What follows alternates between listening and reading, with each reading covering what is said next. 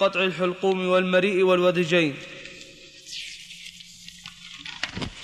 خامسا الإحسان إلى الذبيحة بعمل كل ما يريحها عند الذبح من سهولة الإضجاع وإمرار السكين بقوة ونحو ذلك ويحرم أن يذبحها ويحرم أن يذبحها بآلة كالة أو نحوها مما يزيد في إيلامها بلا حاجة وأن وأن يكسر عنقها أو يسلخها. يسلخها. أو يسلخها قبل أن تموت. سادسا أن يواري السكين عن الذبيحة عند شحذها أي سنها. سابعا أن يزيد التكبير بعد قول بسم الله. ثامنا أن يسمي عند ذبح الأضحية. من هي له؟ من هي له؟ سواء كانت الأضحية سواء كانت الأضحية لنفسه أو لغيره فيقول بسم الله والله أكبر اللهم هذا عن فلان بن فلان وأما مسح. وأما مسح ظهر الأضحية وترديد اسم اسم اسم من هي له ك- اسم. اسم من هي له كما يفعله كثير من العامة فلا أعلم له أصلا من السنة وعلى هذا فلا ينبغي فعله وإن ذبحها ونوى من هي له بد- بدون تسمية أجزأت تاسعا أن يدعو عند الذبح عند ذبح الأضحية بالقبول كما ثبت عن النبي صلى الله عليه وسلم أنه كان يقول بسم الله الرح بسم الله اللهم تقبل من محمد وآل محمد ومن أمة محمد. بسم الله الرحمن هذه آ- آ- آداب الذبح آداب الزكاة التي ينبغي مراعاتها في الأضحية وغيرها. أولا توجيه الذبيحة إلى القبلة. ومستند هذا حديث ضعيف روي عن النبي صلى الله عليه وسلم فأخذ به الفقهاء ثم قالوا إنها عبادة والعبادة ينبغي أن يستقبل بها القبلة. ولكنه لو لو ذبحها إلى غير القبلة فليس كما يظن العامة ليست كما يظن العامة حراما. الثاني نحر الإبل قائمة معقولة يدها اليسرى إن تمكن وإلا فباركة. الإبل أسهل موتا من من من غيرها تموت سريعا. فالأحسن فالأولى أن يذبحها وهي قائمة معقولة يدها اليسرى فيأتيها من الجانب الأيمن ثم يطعنها بالحربة في الوهدة التي بين أصل العنق والصدر. بمجرد ما يخرج الدم منها وهو يخرج بغزارة تسقط. وإلى هذا يشير قوله تعالى فإذا وجبت جنوبها قبله فاذكروا اسم الله عليها صواف فإذا وجبت جنوبها فكلوا منها. ولكن إذا لم يتيسر له ذلك ولم يكن يعرف هذا الشيء فإنه يبركها ويذبحها وهي باركة. وقد رأينا في العام الماضي من يذبحون في المسلخ الذي يتبع الحكومة رأيناهم يذبحونها وهي واقفة وسهل, وسهل. إذا ضربها بالحربة ثم جر عليها سقطت. سقطت ولا ولا تحتاج إلى مدة طويلة. ثالثا ذبح غير الإبل مضجعة على جنبها. غير الإبل ما هو؟ البقر والغنم ويضع رجله على عنقها ليتمكن منها. يضع الرجل على العنق ثم يمسك بالرأس حتى يبرز مكان الذبح ثم يذبحها. ويكون الإضجاع على جنب على الجنب الأيسر إن كان أيسر للذابح وإلا فعلى الأيمن. يكون على الجنب الأيسر. وهو أيسر للذابح إذا كان يذبح بيده اليمنى. أما إذا كان ممن يعمل بيده اليسرى فالأيسر له أن يضجعها على الجنب الأيمن. فهو, فهو يضجعها الأيسر إن تيسر وإلا فعلى الأيمن. قال ولم أجد عن النبي صلى الله عليه وسلم أكثر من من, من وضع الرجل على العنق. فلم أجد الإمساك بقوائم الذبيحة الأربع. كما يفعله بعض الناس الآن إذا أرادوا الذبح أضجع الذبيحة ثم جاء رجال من أشد الرجال أمسكوا بقوائمها فإن هذا لم يرد عن النبي صلى الله عليه وسلم. في في في فيما نعلم أكثر ما ما ورد أنه وضع رجله على صفاحهما. بل صرح النووي في شرح المهذب أنه يستحب أن لا يمسكها بعد الذبح مانعا لها من الاضطراب. بل يذبحها ثم يضع يبقى واضعا رجله عليها حتى تموت. وأبدى بعض المتأخرين حكمة في إرسال قوائمها وعدم إمساكها بأن حركتها وهو اضطرابها الشديد حركتها تزيد في إنهار الدم وإفراغه من الجسم. وكلما تفرغ الجسم من الدم كان أطيب للحم. رابعا استكمال قطع الحلقوم والمري والوجين يعني قطع الأربعة. وقد تكلمنا عليه آنفا. خامسا الإحسان إلى الذبيحة بعمل كل ما يريحها عند الذبح. وهذا الخامس قد يقول قائل إنه واجب. لأن النبي صلى الله عليه وسلم قال إن الله كتب الإحسان على كل شيء. فإذا قتلتم فأحسنوا القتلة وإذا ذبحتم فأحسنوا الذبحة وليحد أحدكم شفرته وليرح ذبيحته. فقوله كتب الإحسان الظاهر أنه الكتابة الشرعية وهي الوجوب. بعمل كل ما يريحها عند الذبح. من سهولة الإضجاع. أنا عندي الاضطجاع وهو خطأ. لأنها هي لا تضطجع ولكنها إيش؟ تضجع من سهولة الإضجاع وإمرار السكين بقوة ونحو ذلك. إمرار السكين يعني عند الذبح بقوة يعني لا يمرها بسهولة لأنه إذا أمرها بسهولة أتعبها فإذا أمرها بقوة صار ذلك أسرع في قطع الحلقوم والمري والورجين و ويحرم أن يذبحها بآلة كالة. كالة يعني غير حديدة يعني غير حادة. أو نعم بآلة كالة أو نحوها مما يزيد في إيلامها بلا حاجة. نعم. لقوله عليه الصلاة والسلام وليحد أحدكم شفرته وليرح ذبيحته. ويحرم أيضا أن يكسر عنقها عنقها. ويحرم أن يسلخها قبل أن تموت. لأن كل ذلك إيلام لها بلا حاجة. وبعض الجزارين نسأل الله لنا ولهم الهداية يكسر عنقها قبل أن تموت استعجالا لموتها. وهذا حرام لأنه يؤلمها بلا شك. فإذا كان يؤلمها ولا حاجة إليه صار هذا صار حراما. السادس من الآداب أن يواري السكين عن الذبيحة عند شحذها أي سنها. لأن شحذها أمامها يرعبها. وقد روي عن النبي عليه الصلاة والسلام أن رجلا أضجع شاة ليذبحها فجعل يشحذ السكين وهي تنظر إليه فقال أتريد أن تميتها موتات. يعني موتات كثيرة. تميتها أولا بالارتياع ثم بالذبح. وقد شوهد أن بعض البهائم إذا رأت الذي يسن السكين هربت. مما يدل على أنها تشعر بهذا وتخاف. سابعا أن يزيد التكبير بعد قول بسم الله.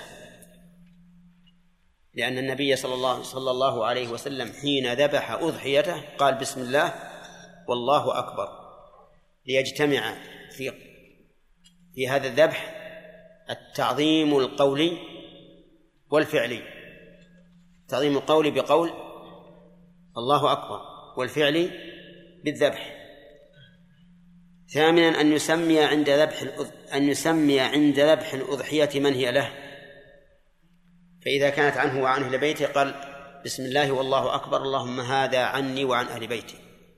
إذا كانت لميت وصية قال بسم الله والله أكبر اللهم هذه عن وصية فلان. فيقول بسم الله والله أكبر اللهم هذا عن فلان بن فلان. وأما مسح ظهر الأضحية وترديد اسم من هي له كما يفعله كثير من العامة فلا أعلم له أصلا من السنة. عندنا العامة إذا أرادوا أن يسموا من هي له جعل يمسح ظهرها من رأسها إلى آخر ذيلها عدة مرات.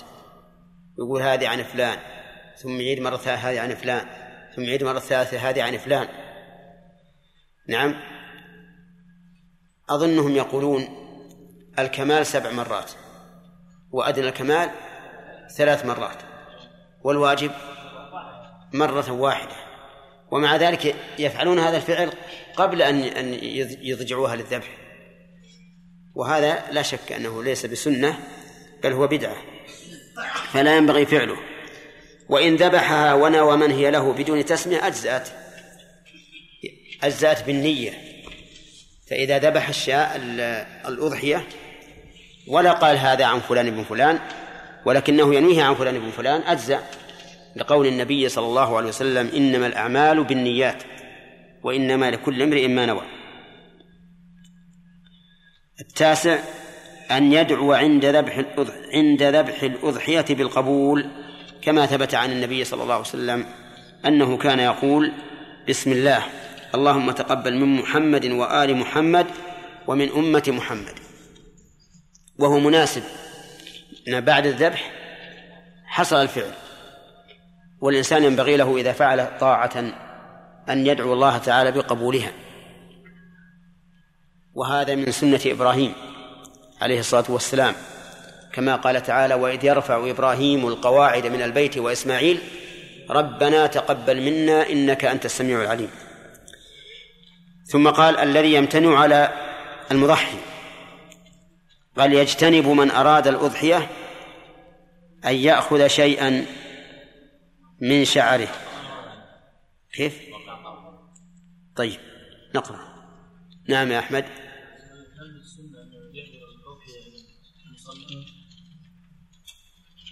هو هذا فعل النبي عليه الصلاة والسلام وأصحابه. فإذا تيسر هذا فهو خير. يعني لو أن الإمام إمام المسجد خرج بأضحيته إلى المصلى وذبح أمام الناس وذبح الناس فهذا من هدي النبي صلى الله عليه وسلم وأصحابه. نعم؟ لا ما هو شرط. نعم.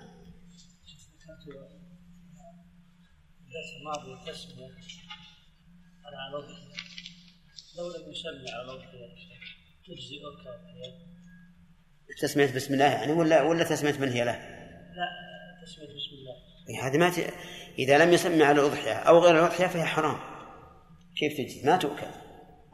يعني يشتري ثاني إي نعم يشتري بدله نعم. نعم. شيخ يعني يغسل مباشره بعد أن الاوداد كيف؟ قبل ان تموت هل تاخذ يعني مده طويله قبل ان تموت؟ لأن هذه كسر عنق يا شيخ يريحها الله المستعان ما يجوز. ما له داعي هذا. كسر العنق يؤلم. ما هو هين. حتى تموت إذا إذا ماتت. انتهت إذا انتهت حركته. مسك الارجل يريد يعني يخلي الإنسان يرتاح في لو لم قد تقوم هذا إذا كان الذابح ضعيفا صحيح ربما تغلبه تقوم لكن إذا كان قويا ووضع رجله على صفاحها على رقبتها ما تقوم. ها؟ يعني الحال في المسألة هذه معلوم مثل ما رأينا الحال في في في نحر الإبل قائمة هذه السنة وإذا كان ما يستطيع نعم. الذي يمتنع على المضحي يجتنب من أراد الأضحية أن يأخذ شيئا من شعره أو أظفاره أو بشرته من دخول شهر ذي الحجة حتى يذبح أضحيته لأن النبي صلى الله عليه وسلم نهى عن ذلك. لكن من احتاج إلى أخذ شيء من ذلك مثل أن ينكسر ظفره مثل أن ينكسر ظفره ويؤذيه فله قصه أو يكون في رأسه جرح يحتاج في مداواته. إلى قص إلى قص الشعر منه فلا بأس بقصه لأنه ليس أعظم من المحرم. أعظم. أعظم. بالفتح لأنه ليس أعظم من المحرم الذي أباح من المحرم الذي أباح الله حلق رأسه للأذى. والحكمة من النهي عن أخذ ذلك أنه لما كان المضحي مشابها للمحرم في بعض أعمال النسك وهو التقرب إلى الله بذبح القربان أعطي بعض, أحك بعض أحكامه نعم. بعض أحكامه. والله أعلم. وصلى الله وسلم على نبينا محمد وآله وصحبه وسلم. كتبها الفقير إلى, إلى الله تعالى محمد الصالح العثيمين. اللهم اغفر له واجزل له المثوبة. واعف عنه وأكرمه وارفع درجاته عندك يا رب العالمين. الذي يمتنع الأضحية على المضحي أن يأخذ شيئا من شعره أو أظفاره أو بشرته. الشعر والأظفار والبشرة معروف. آه، ولكن قد يقول قائل كيف يأخذ الإنسان من بشرته؟ والجواب عن ذلك أن نقول يمكن أن يأخذ من بشرته فإن بعض الناس يكون في عرقوبه يكون فيه شقوق وينقشه دائما. بظفره. نقول لا يجوز هذا. وكذلك لو فرض أنه لم يختن وهو يريد أن يضحي وهذا لا يتصور إلا إذا كان صغيرا. أما إذا كان كبيرا وقد بلغ فيجب أن يختتن ولا يؤخر. المهم أنه لا يجوز أن يأخذ من شعره أو بشرته أو ظفره شيئا من دخول شهر ذي الحجة إلى أن يضحي. لأن النبي صلى الله عليه وسلم نهى عن ذلك. ولكن يقول من أراد الأضحية أما من يضحى عنه فإنه لا يحرم عليه ذلك. خلافا للفقهاء رحمهم الله أو لبعض الفقهاء الذين قالوا يحرم على من يضحي أو يضحى عنه. والتحريم إنما هو على من يضحي لأن هذا هو لفظ الحديث وأراد أحدكم أن يضحي. ولأن النبي صلى الله عليه وسلم كان يضحي عن أهل بيته ولم ينقل أنه كان ينهاهم عن ذلك. فدل هذا على أن الحكم خاص بمن؟ بمن يضحي. ثم هل يشمل من يضحي عن نفسه أو عن غيره بالوكالة؟ الجواب لا. من يضحي عن غيره بالوكالة فهو كالجزار وكيل في الذبح فقط. فلا يحرم عليه أن يأخذ شيئا من شعره أو بشرته أو ظفره. ثم قال فإن لكن من احتاج إلى أخذ شيء من ذلك يعني من الشعر والظفر والبشرة مثل أن ينكسر ظفره ويؤذيه فله قصه. لأنه أتلفه لدفع, لدفع أذاه. والقاعدة الفقهية المبنية على ما, جاءت به السنة أن من أتلف شيئا لدفع أذاه لم يضمنه. من أتلف شيئا لدفع أذاه لم يضمنه. ومن أتلفه لدفع أذاه به ضمنه. فإذا قتل الإنسان الصائل عليه ولم يندفع إلا بالقتل فلا ضمان. وإذا احتاج الإنسان إلى إنقاذ نفسه بمال غيره فإنه يضمن كما لو كان في سفينة وكان فيها أموال للغير وخاف على وخيف على السفينة من الغرق فألقي بعض الأموال فإنه يضمن لأن الإنسان دفع أذاه به. قال لأنه ليس أعظم فله قصه أو يكون في رأسه جرح يحتاج في مداواته إلى قص إلى قص الشعر منه فلا بأس بقصه لأنه ليس أعظم يعني أعظم حرمة من المحرم الذي أباح الله له حلق رأسه للأذى طيب فإذا فإذا حلق الشعر فهل عليه فدية؟ لا لأن الأصل عدم الوجوب إلا بدليل والأصل براءة الذمة ولا يمكن إلحاقه بالمحرم الذي عليه الفدية لأن تحريم أخذ الشعر لمن أراد أن يضحي ليس كتحريم أخذ الشعر للمحرم فهو دونه فلا يجوز إلحاقه به. قال والحكمة من النهي عن أخذ ذلك أنه لما كان المضحي مشابها للمحرم في بعض أعمال النسك وهو التقرب إلى الله بذبح القربان أعطي بعض أحكامه. هذه الحكمة. أنه لما كان مشابها للمحرم في بعض أحكام النسك وهو التقرب إلى الله بذبح القربان أعطي شيئا من أحكام من أحكامه. وهذه من حكمة الله ورحمته أن الذين لم يشاركوا الحجاج في الحج جعل لهم نصيبا من مشاركتهم. والله أعلم وصلى الله وسلم على نبينا محمد وعلى آله وصحبه وسلم. كتب الفقير الله محمد الصالح العثيمين. والحمد لله رب العالمين. نعم السلامة. إيش؟ فالأصل عدم التسمية. إلا إلا إذا كان وسواسا. فإذا كان وسواسا فإنه لا يعتبره. لأن بعض الناس يكون معه وسواس. كلما فرغ من عبادة شك. فهذا لا يلتفت إلى إلى شكه نعم.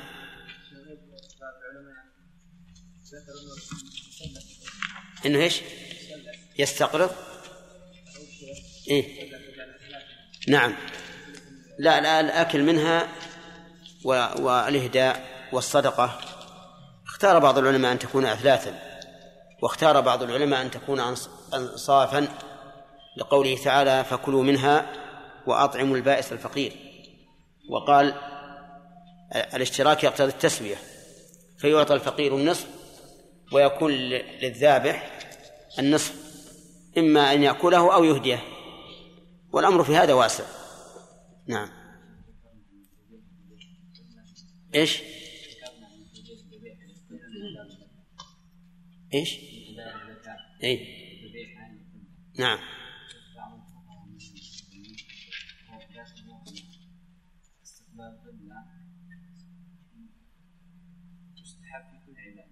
نعم. هم قالوا إنه يشرع في كل عبادة إلا بدليل لكنه فيه نظر. الصواب أن استقبال القبلة عبادة هو نفسه عبادة لا يشرع إلا بدليل. نعم خليل.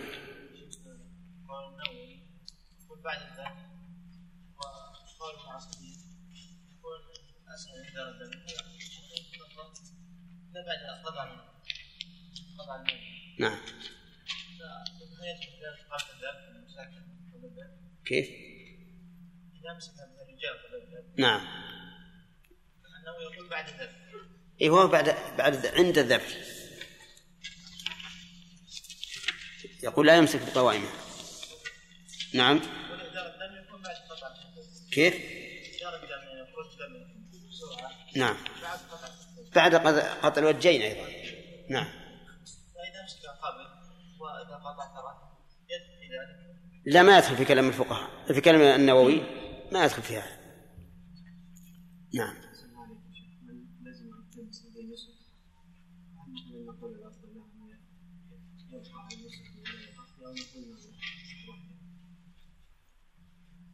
يقول شيخ الإسلام رحمه الله إنه لا أضحية للحاج. الحاج لا يشرع في في حقه إلا الهدي. وهو الأفضل لأن الرسول لم يضحي. نعم. ذبح ذبيحة وجد في باطنها جنين لم يحتمل يؤكل لا يؤكل. لأن ذكاة الج... ذكاة الجنين ذكاة أمه. نعم. ها؟ نعم. إيه بعد إضجاعها. بعد إضجاعها وبعد قول بسم الله. نعم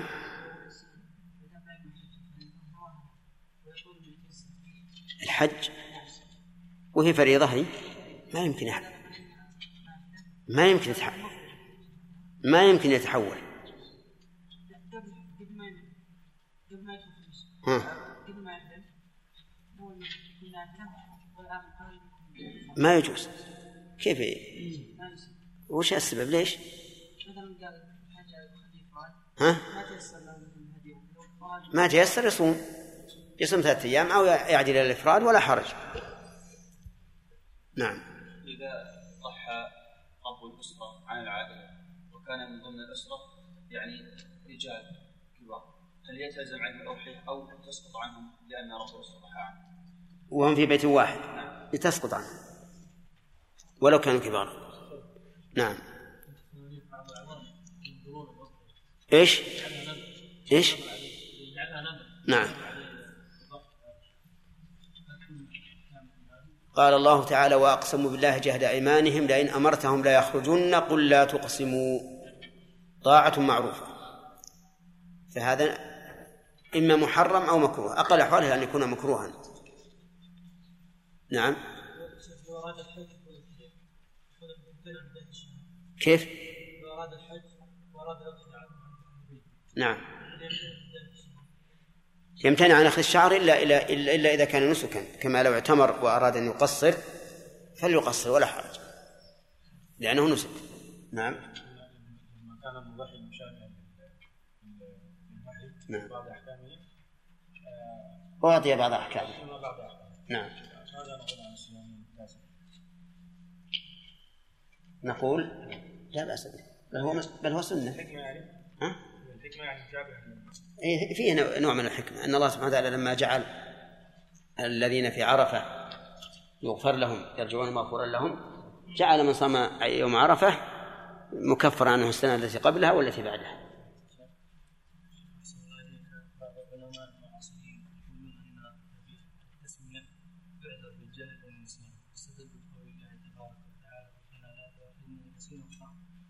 أيضا استدلوا بدليل نظري قال إن الله عز وجل عذر العبد في مسألة ومن باب أولى أن يعذر الله سبحانه وتعالى. بالنسيان نعم. صحيح. ما قالوا حق. إي نعم. أنا أقول يعذر. لا لا. إحنا ذكرنا لكم أمس إن هناك ذبح وأكل الذابح إذا نسي أن يصلي أن يسمي فهو معذور. لا يأثم. لكن لو تعمد فهو آثم. والآكل لو أكل ناسيا أو جاهلا أنها لم يسمى عليها فليس عليه إثم. لكن لو تعمد وربه يقول لا تأكلوا مما, مما لم يذكر اسم الله عليه ما استقام. نعم.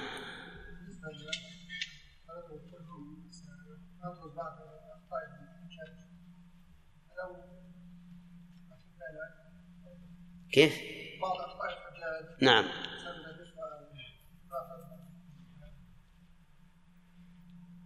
يعني تنبيهات.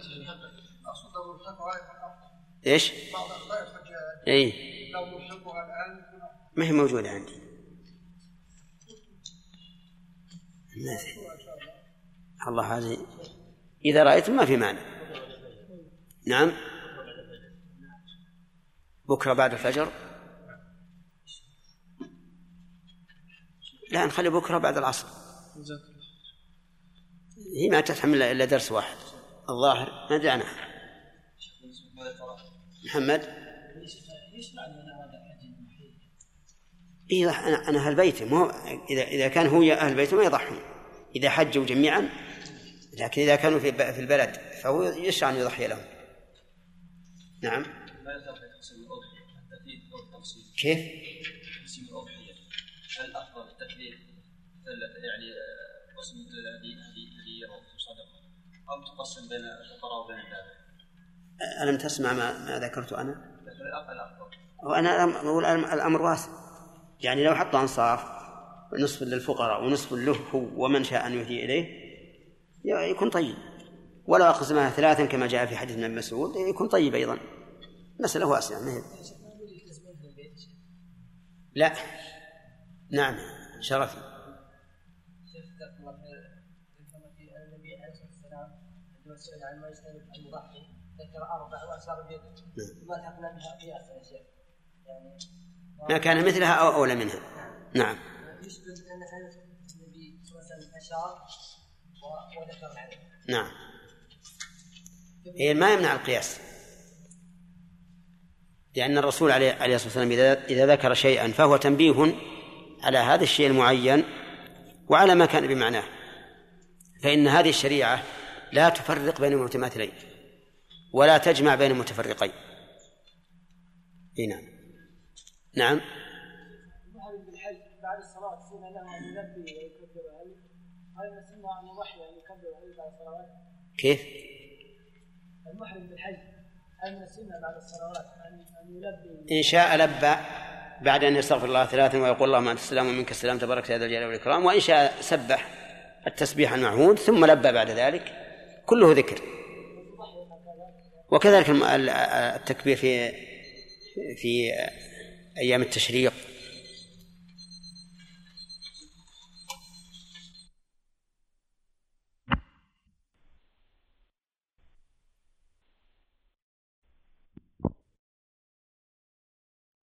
هذا لا بأس هذا طيب. لكن سيكون هذا إن شاء الله ليلة السبت في مسجد الصالحية محاضرة تامة عن الموضوع. عشان تحضرون وتسجلونها. وأظن فيه كتب مؤلفة منها هذا الكتاب اللي عندي مناسك الحج والعمرة ومعه التنبيه على أخطاء يرتكبها بعض الحجاج. ما أدري معكم ولا لا؟ ما هو معكم. إذن الرأي هي الآن من 21 إلى 48 صفحة. الرأي أن شيبة يصورها أو الثانية اللي عندنا هذا. حسن ما هو يصور؟ نعم. يصور. يصورها بعدد الطلبة لأني ما عندي نسخة مثل هذه إلا اللي بدي. ها؟ كيف؟ متى؟ زين. الحين طيب إذا تصور وبعدين أنتم تراجعونها إن شاء الله يعني تأخذون منها صور. وحنا إن شاء الله نمر عليها حتى لو لو فرضنا إننا فرغنا ليلة من من ليالي الدرس الرسمي لهذا الغرض فعلنا إن شاء الله. إي نعم. خلاص؟ الآن نبي نسألكم عما مضى. ما هي العيوب في الأضحية التي نص عليها الشرع؟ ثلث ساعه ها؟ نعم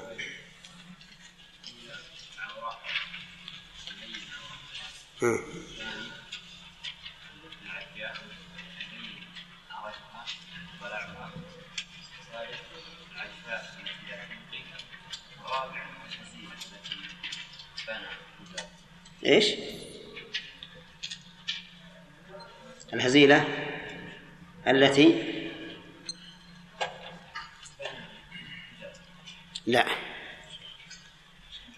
نعم. التي ذهب مخها. التي لا تنقي أي ليس فيها مخ. طيب هل يلحق بالعورة العمياء؟ من باب أولى. إذا لا تجزي. طيب هل أحد من العلماء قال بأنها تجزي؟ نعم.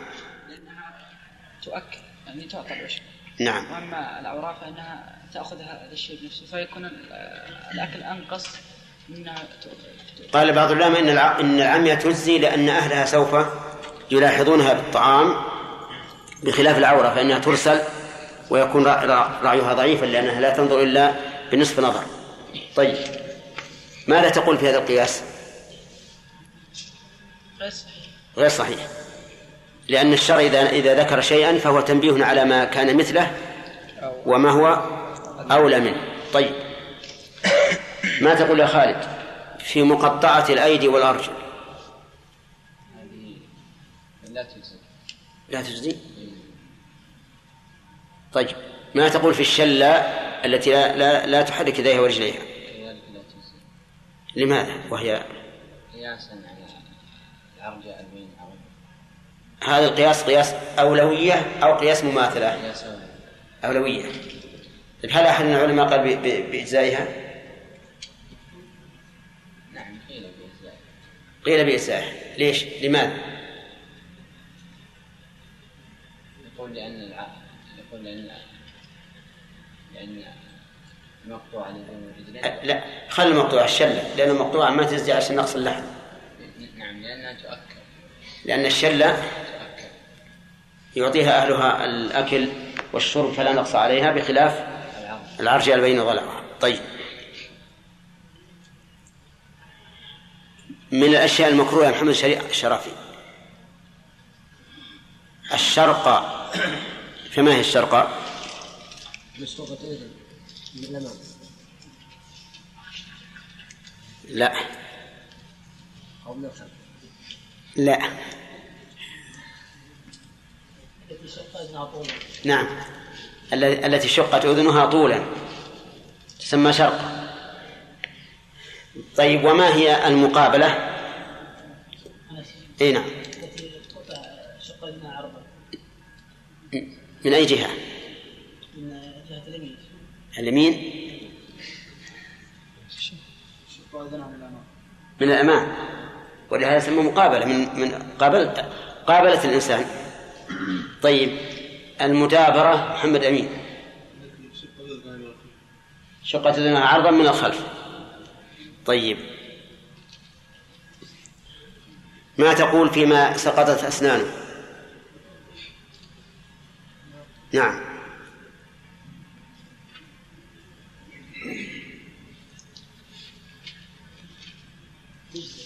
جزء تكره ولا ما تكره؟ هل ذكرت في المكروهات؟ لكن تقاس على على إيش؟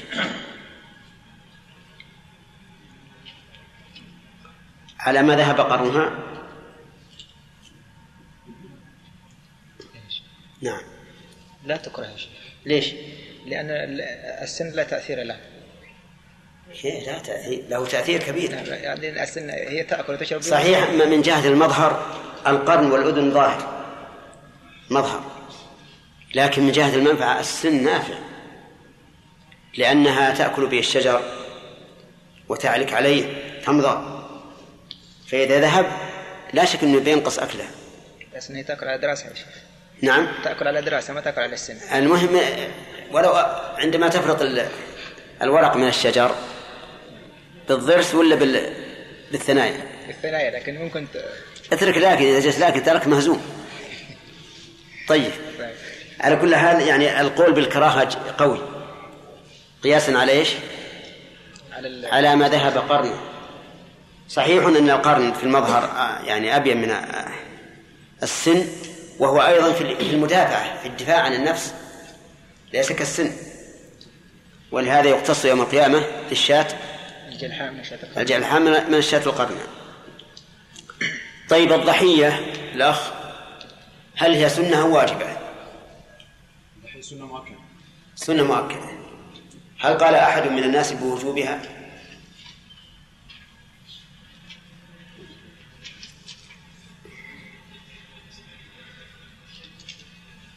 يلا يا أخي. ما أنت بتراجعها أقول لا تراجع الدرس أنت. لا لو راجعت عرفت. هذه ما هي ما هي ما هي خفية هذه. بدر. قال شيخ الإسلام ابن تيمية ان الأضحية واجبة. إن الأظهر وجوبها. وهل أحد من الأئمة ذهب هذا المذهب؟ يلا بدر. رواية عند نعم أحسنت. وغير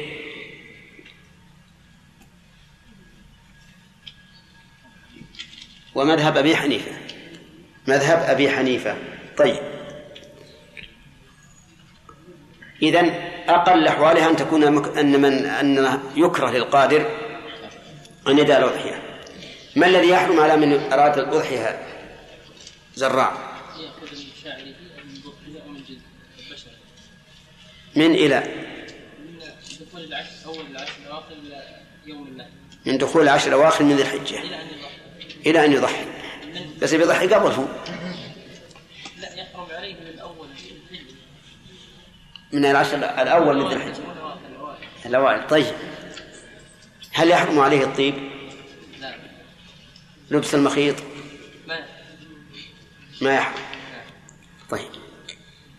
ماذا تقولون؟ ها؟ ما هو التفصيل؟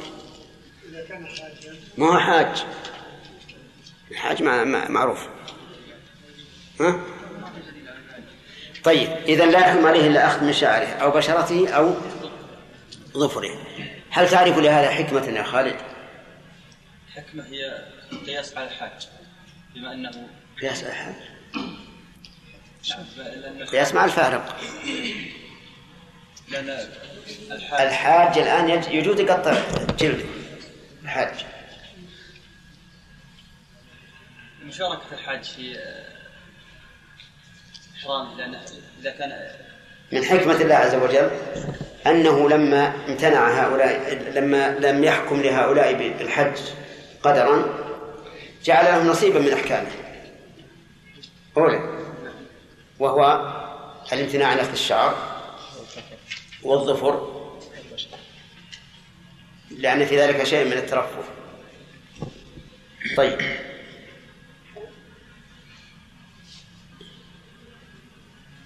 هل الأصل في الضحية يا عبد الرحمن أنها للأموات ولا للأحياء؟ الأحياء نعم. الأحياء للأحياء. هل تعرف أن النبي صلى الله عليه وسلم ضحى عن أحد من ممن مات؟ ضحى عن عن أحد من- ممن مات؟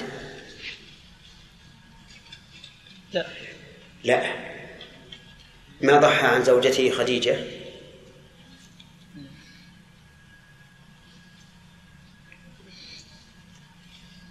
نعم ضحى ها؟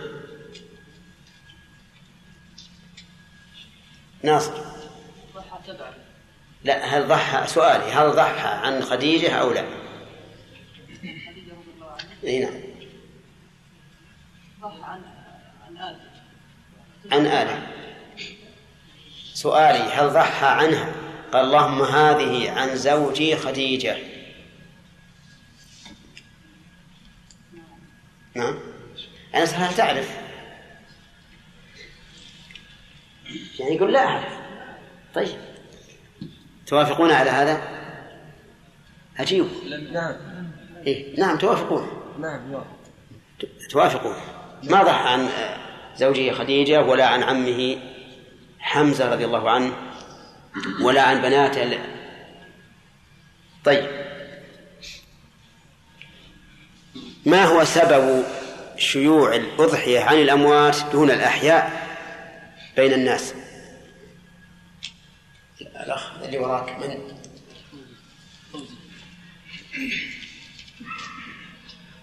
ها. ما هو سبب شيوع التضحية عن الأموات بين الناس؟ الناس كانوا لا يعرفون الأضحية إلا عن الميت. أما حضرت الدرس. نعم. طيب سعود.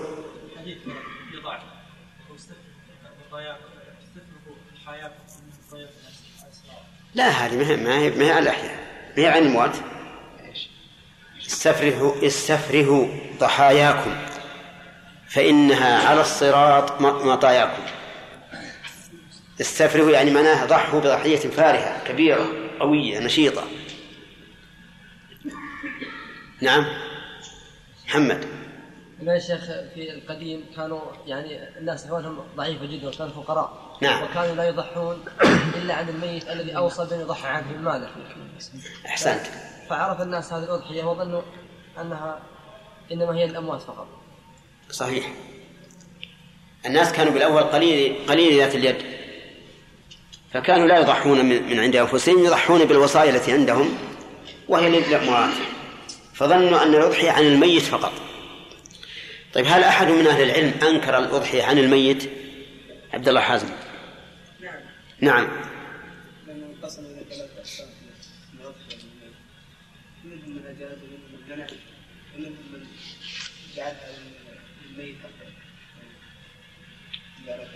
طيب الذي الذين منعوا حجتهم. الذين منعوا حديثهم أن هذه عبادة. نعم. والعباده لا تفعل إلا باذن من الشرع من الشارع نعم.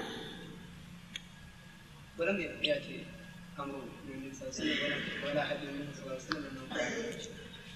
وأم وأهم ما يفعل بالأضحية التعبد لله بالذبح. والميت ما هو ما هو ذابح طيب. والذين أجازوها. أمين. يقول ان الرسول صلى الله عليه وسلم ضحى عن عنه وعن أمته. لا عن عن الأموات استقلالا نتكلم عن الضحية عن الميت استقلالا. الميت أولى من الحي. إذا كان كلمة أولى من الحي كان نقول أجل كل العبادات غير غير الفرض اجعلها للأموات لأنه أولى انقطع عن العمل. يعني هذه العلة عليلة في الواقع. لو كان الأمر كذلك لقلنا جميع النفل خلوه للأموات. قال لم يرد عن سنة لم يرد عن سنة ذلك شيء ولكن يقاس على الصدقة. يقاس على الصدقة التي وردت بها السنة. كذا؟ طيب. هل هذا القياس صحيح بين بيد الله؟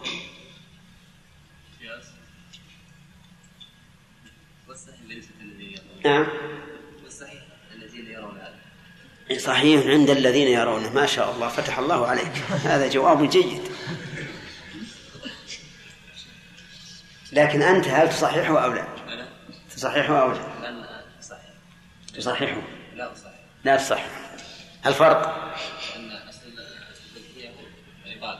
نعم. أهم شيء فيها التعبد لا بالذبح. ولهذا يؤمر الإنسان بالأكل منها. وصدقته لا يأكل منها. يؤمر الإنسان بأن يأكل منها. ولو كانت كالصدقة لقلنا إذا أخرجت الشيء صدقة لله ما تأكل منه فقياسها على الصدقة قياس مع الفارق فهو غير صحيح. نعم؟ والصحيح أن قلنا إن الأضحية عن الأموات ثلاثة أقسام استقلالا وتبعا ووصية. فالاستقلال غير مشروع والتبع جائز. والموصى والوصية لازم واجبة. طيب. ها؟ كيف؟ ما في الحقيقة أن السنة ما هي واضحة جدا في هذا. لكن إن شاء الله جائزة وينتفع بها الميت. طيب نشوف. أي نسك من الحج يشترط فيه الطهارة؟ عمر. الطواف. والسعي. والوقوف والمبيت المزدلفة ورمي الجمار والطواف يشترط. وش تقول يا فؤاد؟ على خلاف فيه. تمام. هل أحد من الناس قال إنه لا يشترط؟ ممن قال؟ لا هينا إلى الآن ما صرت من الناس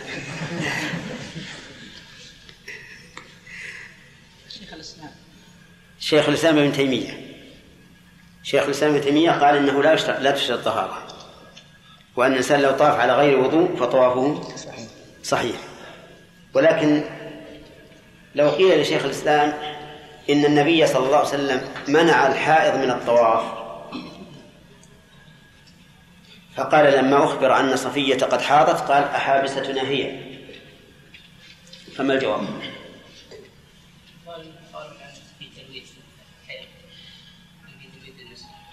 يعني أجاب بأن منع الحائض من الطواف ليس لأنها محدثة ولكن لأنها حائض والحائض لا تمكث في المسجد.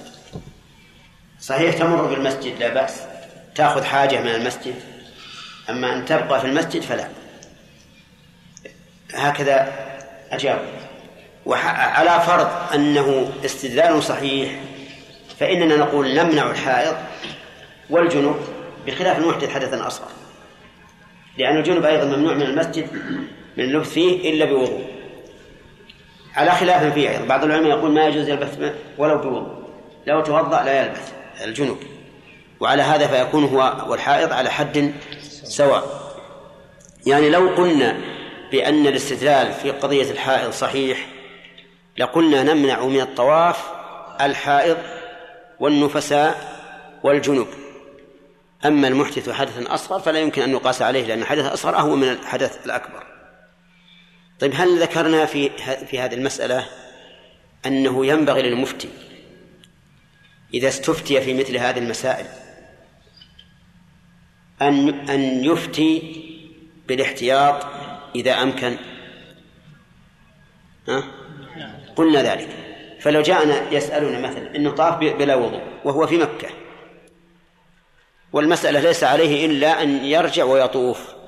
قلنا ارجع فطف لتبرأ ذمتك بيقين وليكون لك أجر لأنك سيكون لك أجران الأجر الأول في الطواف الأول والأجر الثاني في الطواف الثاني. لن تعدم خيرا لكن يأتينا رجل قدم إلى بلده وجامع أهله أو تزوج وهو وقد طاف بغير وضوء. نقول والله طوافك غير صحيح. وعقد النكاح غير صحيح والجماع فيه الكفارة وما أشبه ذلك هذا لا نقول به. وهذا من من حكمة المفتي أن يفرق بين الأشياء التي يكون الاحتياط فيها سهلا وبين الأشياء التي لا يكون الاحتياط فيها سهلا. ثم إن ذكرنا أيضا أن الاحتياط غير مشروع إلا إذا وجد السبب وصار الاشتباه. أما إذا لم يوجد السبب والمسألة مجرد وهم فلا عبرة بذلك. عرفتم يا جماعة؟ يعني مثلا لو صار الخلاف ضعيف جدا ما نحتاط. لكن إذا كان قويا وعليه جمهور العلماء مثلا فهنا ينبغي أن نحتاط ولكن لا ينبغي أن نبت في الحكم بالاحتياط ونلزم الإنسان بأن يقول بقول جمهور الفقهاء. انتهى الوقت. سبحانك اللهم وبحمدك أشهد أن لا إله إلا أنت أستغفرك وأتوب إليك. رحمه الله تعالى فيما نقله عن أبي هريرة رضي الله عنه. قال لما فتح الله على رسوله صلى الله عليه وسلم مكة قام في الناس فحمد الله وأثنى عليه.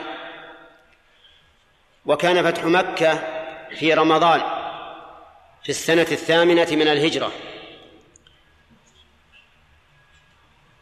ومعلوم أن النبي صلى الله عليه وسلم لما آذاه المشركون ومنعوه أن يبلغ رسالة ربه أذن الله له بالهجرة إلى المدينة فهاجر إليها من مكة مختفيا خائفا على نفسه حتى إنه عليه الصلاة والسلام لما خرج من مكة بقي في غار ثور ثلاث ليال لئلا يدركه الناس في الطريق. فلما خف الطلب خرج عليه الصلاة والسلام متجها إلى إلى المدينة. وكان الله سبحانه وتعالى يحميه بقوته وعزته. وكانت قريش قد جعلت لمن يأتي به هو وأبي بكر مئة ناقة لكل واحد. فالذي يأتي بهما يعطى مئتين ناقة. ومئتين ناقة كبيرة. في ذلك الوقت فبينهما يسيران في الطريق ومعهما الغلام والدليل الذي يدلهما على الطريق أدركهما سراقة بن مالك بن جعشم أخذ سيفه أو رمحة وركب فرسه حين ذكر له أحد غلمانه أنه رآهما على رآهم على الساحل فأخذ الفرس فركب الفرس وأخذ الرمح وعدا نحوهم متجها إليهم. يريد أن يأخذهم فيأتي بهم إلى قريش. ولكن لما دنا من الرسول عليه الصلاة والسلام وصحبه حتى إنه لا يسمع قراءة النبي صلى الله عليه وسلم القرآن غاصت قدما فرسه غاصت في الأرض بلا طين وبلا رمل غاصت حتى وقفت. ما مشت. فانتهرها فأبت. حتى نادى رسول الله صلى الله عليه وسلم بالأمان. قال يا رسول الله أو قال يا محمد إنك مني في أمان. ثم قال لهم لكم علي أن أصد كل من اتجه نحو هذه الناحية. فأعطاه الأمان ثم انقلعت قدم الفرس من الأرض ورجع سراقة بن مالك بن جعشم رضي الله عنه رجع من طريقه. كلما رأى أحدا من قريش يطلب النبي صلى الله عليه وسلم من هذه الناحية قال قد كفيت هذه الناحية ما في أحد. فانظر آية الله عز وجل. جاء طالبا ورجع مدافعا. جاء طالبا يطلب النبي عليه الصلاة والسلام وصحبه وصحبه ورجع مدافعا عنهم بإذن الله وقوته عز وجل. وبعد أن استقر في المدينة وصارت منه الغزوات العظيمة والفتوحات التي من بينها صلح الحديبية. صلح الحديبية الذي كان ظاهره الغضاضة كان ظاهره الغضاضة على المسلمين سماه الله سبحانه وتعالى فتحا. فقال لا يستوي منكم من أنفق من قبل الفتح وقاتل. أولئك أعظم درجة من الذين أنفقوا من بعد وقاتلوا. فسمى الله صلح الحديبة فتحا. لأنه حق حقا فتح الله به وصار مقدمة بين يدي الفتح الأعظم فتح مكة. ثم إنه يعني مما يدل على أنه فتح وأنه مقدمة للفتح الأعظم أن النبي عليه الصلاة والسلام عاهد قريش على وضع الحرب بينهم عشر سنين وأن لا يغدر أحد أحدا. ودخل في حلف النبي عليه الصلاة والسلام خزاعة دخلت في حلف النبي عليه الصلاة والسلام ودخل في حلف قريش قبيلة أخرى انضمت إليهم وصار عدوان من القبيلة التي دخلت في عهد قريش على القبيلة التي دخلت في عهد النبي صلى الله عليه وسلم. فعد ذلك غدرا وخيانة من قريش ونقضا للعهد وحينئذ ارتفع العهد الذي بينهم وبين النبي صلى الله عليه وسلم فغزاهم النبي عليه الصلاة والسلام. وقال اللهم أعمي أعمي عنا أعمي قريشا عن أخبارنا. سأل الله أن الله يعمي عنهم الخبر حتى نبغتها في بلادها. فلم تعلم قريش إلا وهو على حدود مكة. يعني سار من المدينة إلى مكة حوالي عشرة أيام ما علمت به قريش مع أنها تبث العيون يمينا وشمالا تخشى لكن الله عز وجل أعماهم حتى بغتهم النبي عليه الصلاة والسلام في بلادها. فدخل مكة ظافرا منصورا مؤزرا.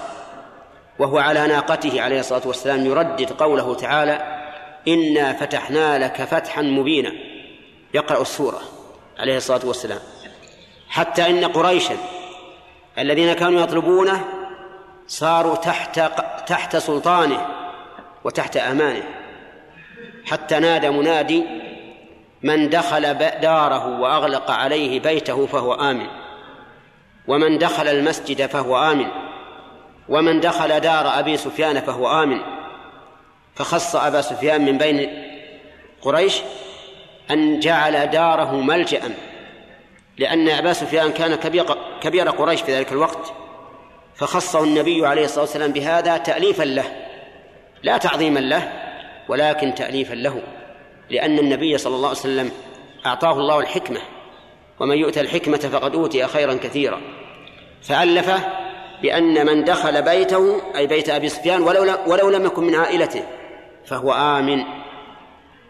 وفي النهاية دخل المسجد الحرام ودخل الكعبة وصلى فيها ركعتين ثم وقف على الباب على باب الكعبة وقريش تحته أذلة كالأسرى ينتظرون ماذا يفعل بهم. فقال لهم يا معشر قريش يا معشر قريش ما تظنون أني فاعل بكم؟ قالوا أخ كريم وابن أخ كريم. شف يعني يتوددون إليه ويتوسلون إليه بكونه أخا كريما عليه الصلاة والسلام. أخ كريم وابن أخ كريم. يعني اصنع ما شئت. فقال عليه الصلاة والسلام لا تثريب عليكم اليوم يغفر الله لكم اذهبوا فأنتم الطلقاء. فذهبوا. فمن الله فمن الرسول عليه الصلاة والسلام عليهم بهذه المنة العظيمة. هذا الفتح الأعظم بعده دخل الناس في دين الله افواجا وفي السنة الثامنة. وفيه أنزل الله تعالى قوله إذا جاء نصر الله والفتح ورأيت الناس يدخلون في دين الله أفواجا فسبح بحمد ربك واستغفره. يعني فقد انتهت مهمتك وقرب أجلك. فسبح بحمد ربك واستغفره إنه كان توابا. كان هذا فتح عظيما حتى بدأت الوفود تفد على المدينة من كل جانب. يفدون إلى الرسول عليه الصلاة والسلام يعلنون إسلامهم وإسلام قومهم ويتعلمون من رسول الله صلى الله عليه وسلم الهدى والخير. ومنهم مالك بن بن الحويرة رضي الله عنه وغيرهم. كلهم يفدون إلى الرسول عليه الصلاة والسلام ليعلمهم ويرشدهم إلى إلى دينهم. المهم في هذا اليوم خطب النبي عليه الصلاة والسلام. خطب خطبة عظيمة وقال إن الله حبس عن مكة الفيل وسلط عليها رسوله والمؤمنين. الفيل ما ما قصته. قصته أنزل الله فيه سورة كاملة. أليس كذلك؟ نعم. ألم تر كيف؟ ألم تر كيف فعل ربك بأصحاب الفيل؟ ألم يجعل كيدهم في في تضليل؟ وأرسل عليهم طيرا أبابيل ترميهم بحجارة من سجيل فجعلهم كعصف مأكول. هذا الجيش قدم من اليمن ليهدم الكعبة. ويستبيح مكة.